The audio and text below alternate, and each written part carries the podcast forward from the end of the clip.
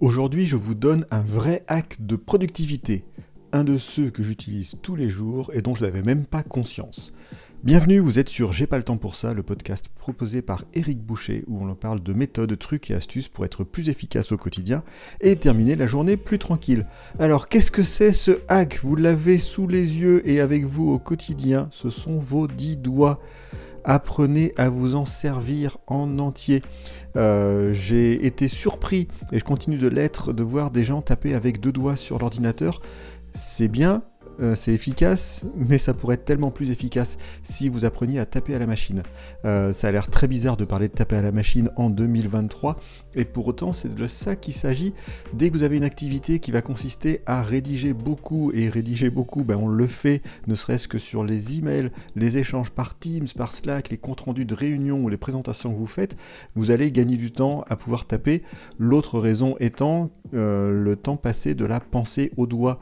si vous êtes obligé de ralentir votre pensée parce que vos doigts ne suivent pas, vous allez perdre le fil à un moment donné.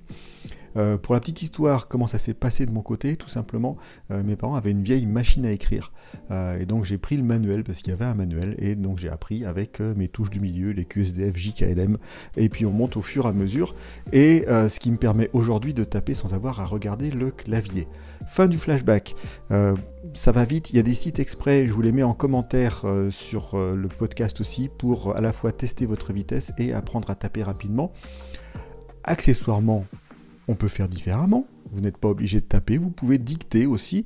Euh, je vois de plus en plus de gens aussi qui utilisent la dictée vocale pour saisir des textes. Donc ça peut être une autre option finalement. Et la troisième option qui est intéressante, qui est complémentaire, euh, c'est d'utiliser des raccourcisseurs ou des logiciels qui vont transformer les abréviations que vous tapez en texte complet. Ça aussi c'est une option qui peut être très intéressante, qui va vous faire gagner énormément de temps, que ce soit les formules de politesse, que ce soit des phrases que vous renvoyez régulièrement, vous n'êtes pas obligé de les taper à chaque fois et ces logiciels sont très bien faits. Vous tapez deux lettres et ça vous transforme sur une phrase ou un paragraphe complet, donc vous allez gagner du temps.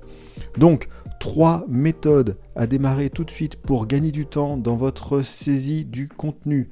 La première, mesurez votre vitesse de frappe et éventuellement apprenez, voyez comment vous pouvez accélérer. La deuxième, dictée, utilisez la dictée vocale. Et la troisième, utilisez des logiciels pour faire des abréviations et gagner du temps dans votre saisie. Voilà, c'était J'ai pas le temps pour ça en moins de 3 minutes et on parlait des moyens de saisie pour gagner du temps.